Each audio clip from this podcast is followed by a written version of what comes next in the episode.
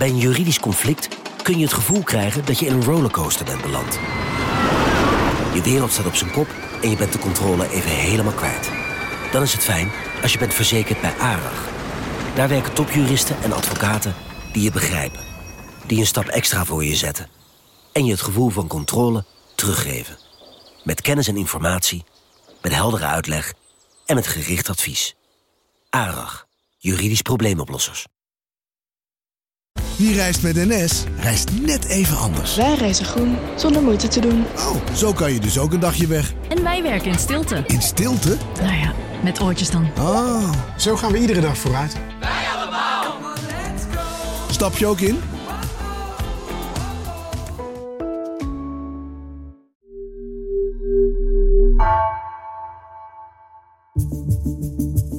Vanaf de redactie van NRC het verhaal van vandaag. Mijn naam is Floor Boon.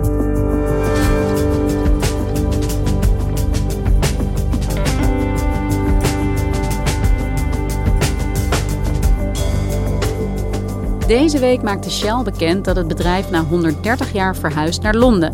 De aankondiging kwam als een schok, want voor veel mensen is Royal Dutch Shell onderdeel van de Nederlandse identiteit. Maar nu de wereld juist van olie af wil, stelt Maarten Schinkel zich de vraag: hoe erg is het eigenlijk dat Shell vertrekt?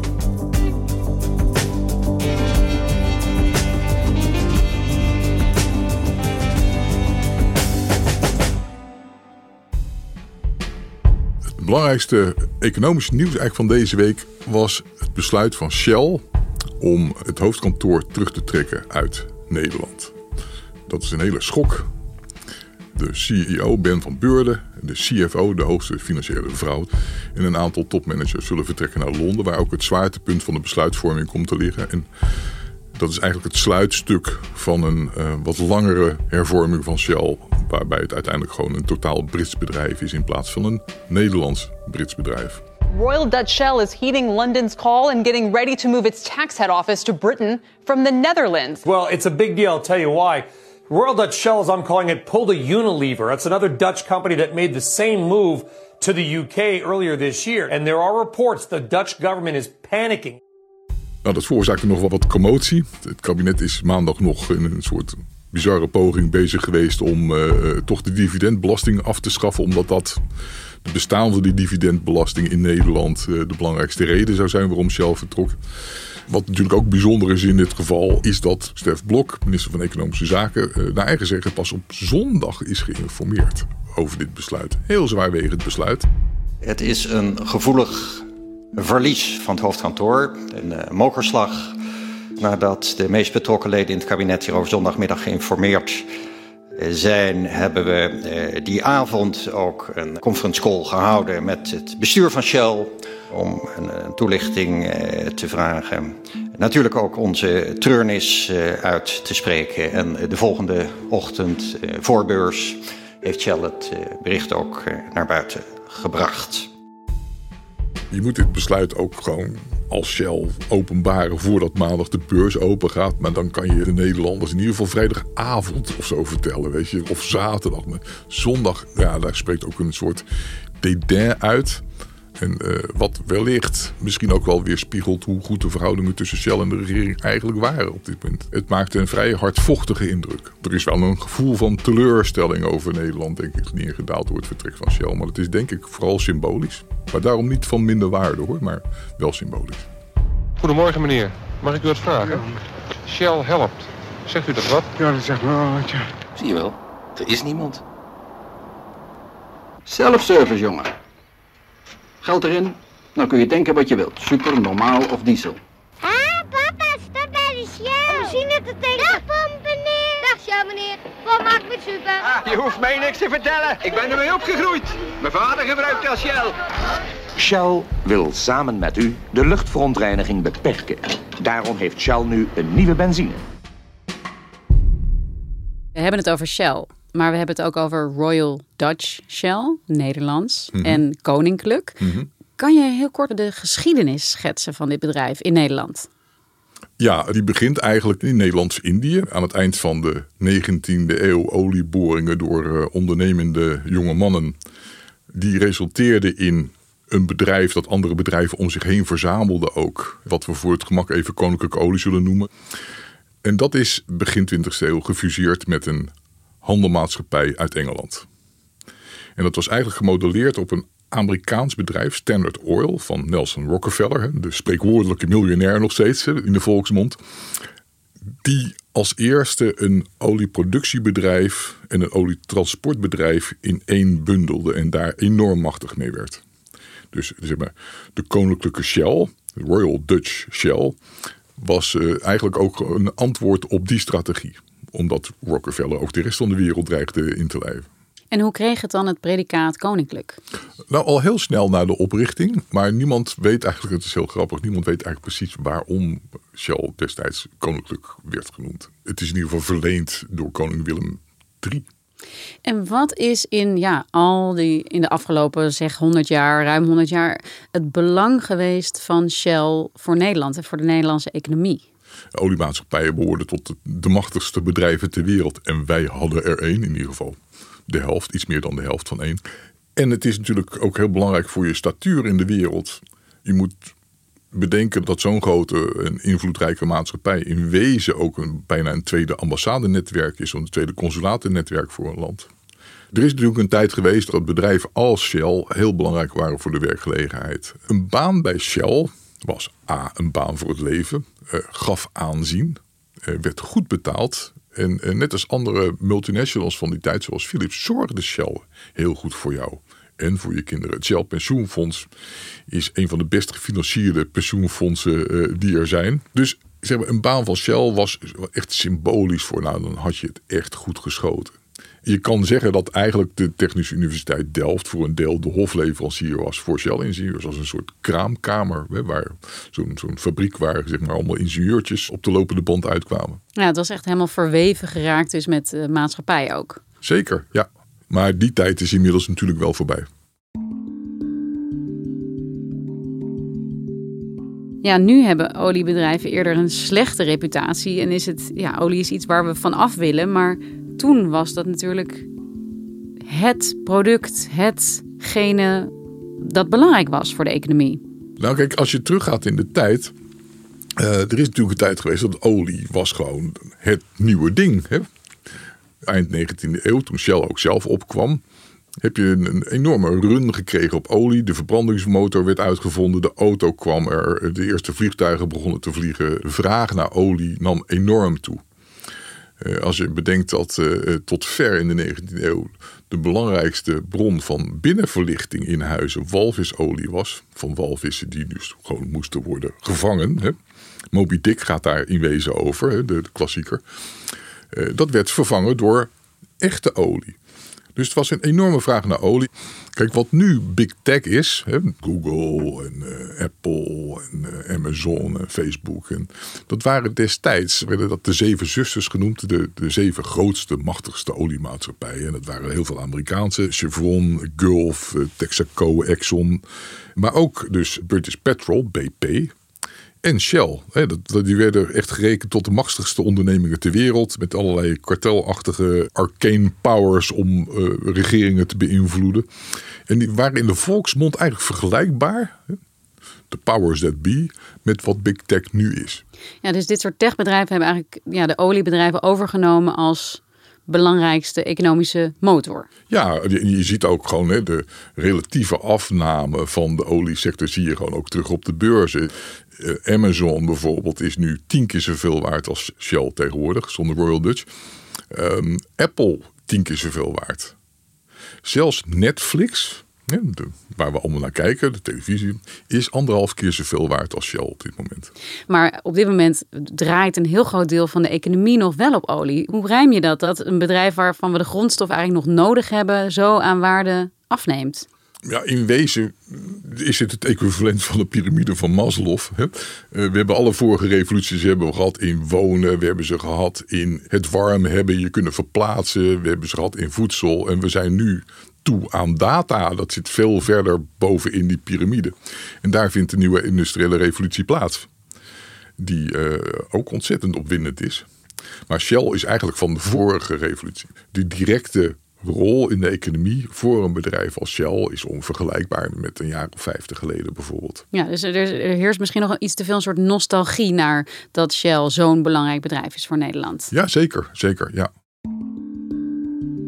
Als je dat als uitgangspunt neemt, dat de waarde van Shell of het belang van Shell zo is afgenomen, waarom heeft de Nederlandse regering dan toch nog echt een poging gedaan om Shell hier te houden?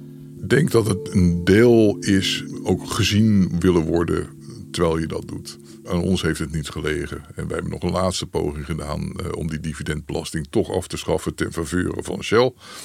Terwijl het eigenlijk al duidelijk was dat A, een meerderheid in de Kamer daar helemaal niet voor te porren was. Voorzitter, het vertrouwen in de overheid is weg. Dit land wordt gerund als een BV. Of het nou de gedupeerde Groningers zijn, de toeslagenouders, de mensen die geraakt worden door de wooncrisis en vele anderen. Ze wachten. En dan komt Shell, de mede-veroorzaker. Ze willen er als een dief in de nacht vandoor. En wat doet het kabinet? Die heeft daar prioriteit bij Shell. Ik denk ook niet dat uh, het Shell daar uiteindelijk om ging, om die dividendbelasting. Ja, want leg nog even uit, wat is die dividendbelasting ook weer precies en waarom wilde Shell daar zo graag vanaf? Bedrijven keren dividend uit. En dat is een deel van de winst die aandeelhouders krijgen. Uh, de meeste bedrijven doen dat. En over dat dividend wordt belasting geheven. En dat vinden beleggers niet leuk. Dat vinden bedrijven zelf ook niet leuk, want het gaat in wezen ten koste van hun koers. En het punt bij Shell is, en dat was het ook bij Unilever daarvoor, is dat er in het Verenigd Koninkrijk, waar de helft van het bedrijf formeel zit, geen dividendbelasting wordt gegeven en in Nederland wel. En het is eigenlijk het streven van premier Rutte geweest, al een tijd, om dat gelijk te trekken door ook in Nederland die dividendbelasting af te schaffen. Ja, want ik herinner me nog eh, best wel levendig dat er een hele heftige politieke discussie is geweest uh, bij het aantreden eigenlijk van het kabinet Rutte 3 over het afschaffen van die dividendbelasting. Ja, ja, een jaar lang hing dat eh, boven de markt in de Haagse politiek. Het doorslikken van een meloen ging het toen over volgens de ChristenUnie.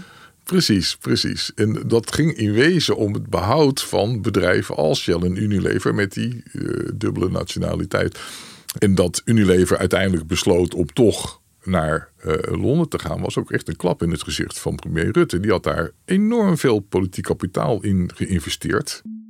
Ja, goedemiddag allemaal. We hebben natuurlijk vandaag gesproken over het besluit van Unilever. En dat besluit is uiteraard teleurstellend. De afschaffing van de dividendbelasting is onderdeel van een breed bedrijfslevenpakket. Het kabinet en de coalitie zullen de komende tijd dit hele pakket opnieuw wegen, inclusief de maatregel met betrekking tot de dividendbelasting. In het afschaffen van de dividendbelasting was namelijk ongeveer iedereen in Nederland op tegen.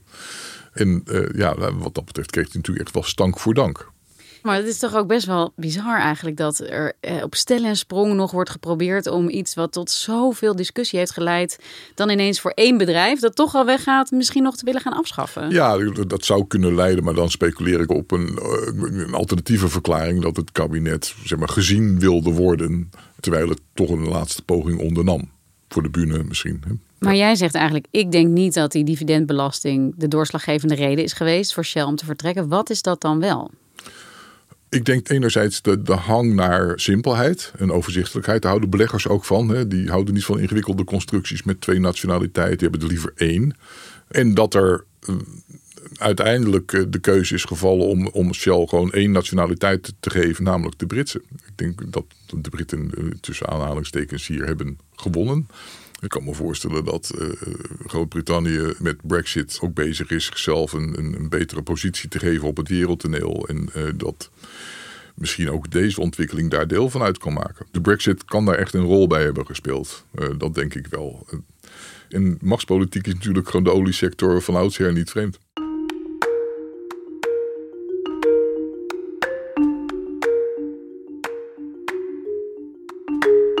En wat gaat er dan nu veranderen in Nederland, eigenlijk nu Shell vertrekt? Eigenlijk weinig. Uh, de raffinaderijen in Pernis die blijven draaien. Uh, er blijft een stevig kantoor. Dat mag zichzelf geen hoofdkantoor meer noemen, maar toch, hè, dat blijft voorlopig gewoon wel staan.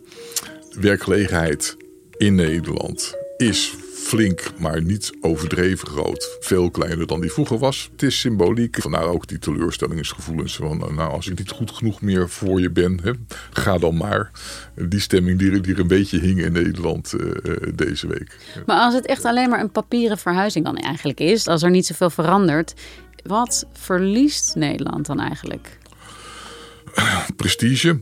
Kijk, Shell is natuurlijk gewoon eh, heel lang onderdeel geweest van onze nationale identiteit. Ook via Nederlands-Indië. Uh, daar is het bedrijf groot geworden. Uh, Nederland was tot na de oorlog natuurlijk een veel groter land dan het nu is. Het had veel meer macht. Iedereen kende Shell. Shell bekende iedereen. Je had via Shell had je informeel toegang tot regeringen overal in de wereld. Um, is voor een gedeelte symboliek. En het is voor een gedeelte ook een, een gevoel van verlies. Uh, Shell wordt een beetje het geamputeerde ledemaat dat je uh, toch blijft voelen, raar genoeg. Mm, dus ik denk dat dat nog wel komt. Dat we denken, oh Shell, weet je. Dat de mensen zijn, ik denk nooit meer bij Shell. En andere mensen zeggen, wat was het er nog maar? Dat is ook een symbool van een tijd die heel snel aan het vergaan is. Ja, precies. Het is een soort van vervlogen tijd. Hè? De, de, de tijd van dat de oliebedrijven dus nog zo groot en machtig waren. Maar stel je nou voor dat Shell nu in het Verenigd Koninkrijk wel een groene transitie gaat doormaken. Betekent het dan wel toch uiteindelijk een verlies? Ja, kan. Hoewel die groene transitie natuurlijk voor een groot gedeelte hier gaat plaatsvinden. Want hier staan heel veel installaties van Shell, vergis je niet. En ja, voor het heil van de wereld uh, lijkt het mij uh, niet de zaken doen waar een bedrijf een groene transitie maakt, als die hem maar maakt. Ik geloof niet dat we de vlaghalfstok uh, moeten hangen omdat Shell heeft besloten. En, en nogmaals, echt als je terugkijkt in de tijd, voorspelbaar heeft besloten om Nederland formeel verwereld te zeggen. En Maarten, hoe zit het eigenlijk met de uitspraak van de rechter, die eerder dit jaar uh, in een zaak die Milieudefensie had aangespannen, mm -hmm. had gezegd: uh, Shell moet veel sneller gaan vergroenen. Mm -hmm. uh, Shell ging daartegen in beroep. Is dit ook nog een soort manier dan om daar onderuit te komen? Dat is nog onduidelijk. Er loopt natuurlijk ook nog een hoger beroep van Shell. Uh, waar deze verandering natuurlijk ook een rol gaat spelen. Maar ik, ik ben geen jurist, dat is uh, voer voor advocaten. Intussen ja, schets jij het vooral als een uh, verloren tijd waar we vooral niet rouwig om moeten zijn. En waar we veel meer de blik naar voren moeten richten, zeg maar, op de transitie en bedrijven die die doormaken. En misschien wel ja, op de techbedrijven die we wel hebben in Nederland. Ja, nieuwe dingen maken is altijd leuker dan onderhoud. En dat geldt eigenlijk ook voor dit soort transities. Je hebt beleggers, zijn de impactbeleggers. Wij gaan helemaal de forefront van de groene golf gaan wij beleggen. Maar het is eigenlijk uh, van minstens even grote waarde dat je bedrijven die nu bruin zijn helpt om die groene transitie door te maken. En dat is natuurlijk veel minder sexy. Ik snap dat wel. Hè. Dat kan je moeilijker verkopen aan je beleggers. Maar ik vind bijvoorbeeld het besluit van Algemeen Burgerpensioenfonds, hè, ons grootste pensioenfonds, om fossiele energie echt vaarwel te zeggen vind ik zelf een, een vorm van symboolpolitiek. Ja, dus geen invloed meer uitoefenen, maar je handen ervan aftrekken. Ja, precies. De Pilatus-optie eigenlijk. En ik heb geen grote sympathie voor activistische beleggers. Eh, maar Third Point, wat zich nu heeft gemeld bij Shell, heeft natuurlijk wel, wel een goed punt. Ze zeggen van ja, waarom splits je jezelf niet op in een nieuwe groene tak in een paar oude bruine takken. Dan wordt duidelijk wat je precies moet doen. De waarde voor beleggers wordt ook duidelijker eh, van Shell. En, en hoe die waarde zich dan ontwikkelt. Ik vind dat eigenlijk een veel beter voorbeeld van hoe je dat als belegger zou moeten doen. Dan gewoon je af te keren en uh, zeggen: Ik wil daar niks meer mee te maken hebben. En hebben dit soort activistische beleggers, hebben die en de manier waarop zij iets willen van Shell, heeft het vertrek van Shell daar nu nog invloed op? Onttrekken ze zich ook daaraan of maakt het eigenlijk niet uit? Nou, van dit nieuws is nog geen geschiedenis geschreven. Dus we, weten nog niet precies welke van al deze invloeden, hè, de druk om te vergroenen, eh, de druk van beleggers, die rechtszaak, eh, Nederlands-Britse verhoudingen, de brexit, eh, de dividendbelasting, noem alles maar op, in welke cocktail die voor dit besluit hebben gezorgd. Dat moeten we nog zien. Hè? Wat, wat precies de cocktail van invloeden is geweest die heeft gezorgd voor dit besluit. Duidelijk is in ieder geval dat ze weggaan, dat ze Nederland verlaten. Mm -hmm. welk bedrijf of welke sector moeten Nederlanders nu omarmen als hun nieuwe trots dan? Nou ja, we zijn al wat kwijtgeraakt. Hè? We zijn Shell kwijtgeraakt, eigenlijk kwijtgeraakt tussen aanhalingstekens. We zijn Unilever eigenlijk al kwijt. We zijn ABN AMRO. Dat was een heel groot netwerk, hè, financieel netwerk wat over de wereld lag. Dat zijn we kwijt omdat dat is gedrieëndeeld uh, net voor de financiële crisis. Dus we zijn heel veel symbolen zijn we kwijtgeraakt. En we hebben, we hebben er, nou, wat mij betreft, in ieder geval één voor in de plaats. Uh, dat is ASML. Een, chipmachinefabriek uit uh, Eindhoven. Die uh, eigenlijk is uitgegroeid tot ja, de allerbelangrijkste speler in zijn branche ter wereld. Je kan geen geavanceerde chips maken in de wereld zonder machine van ASML. En ASML heeft nu ook inmiddels bijna dubbele van de beurswaarde van Shell. Dus eigenlijk zou Nederland moeten streven naar een Royal ASML. Wat een goed idee. Wat een goed idee. ja, precies. Nou, misschien als koning Willem dit hoort, dat hij uh, dat is zou moeten overwegen. Ja. Royal ASML. Dankjewel, Maarten. Ja.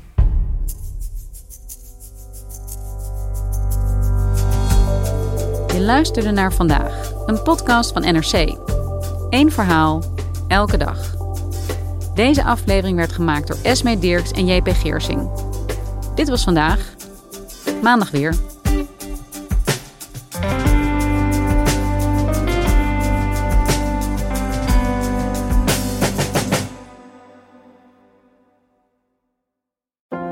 Maatschappij waarin iedereen meedoet. Een gezonde, groene en rechtvaardige wereld. Daar willen jij en heel veel andere mensen best iets aan bijdragen. In het klein en in het groot dicht bij huis en ver weg. Zo hebben we vorig jaar 349 miljoen euro bij elkaar gebracht. Miljoenen waarmee onze goede doelenpartners de wereld elke dag een beetje beter kunnen maken. Nationale Postcode Loterij. Samen voor een betere wereld.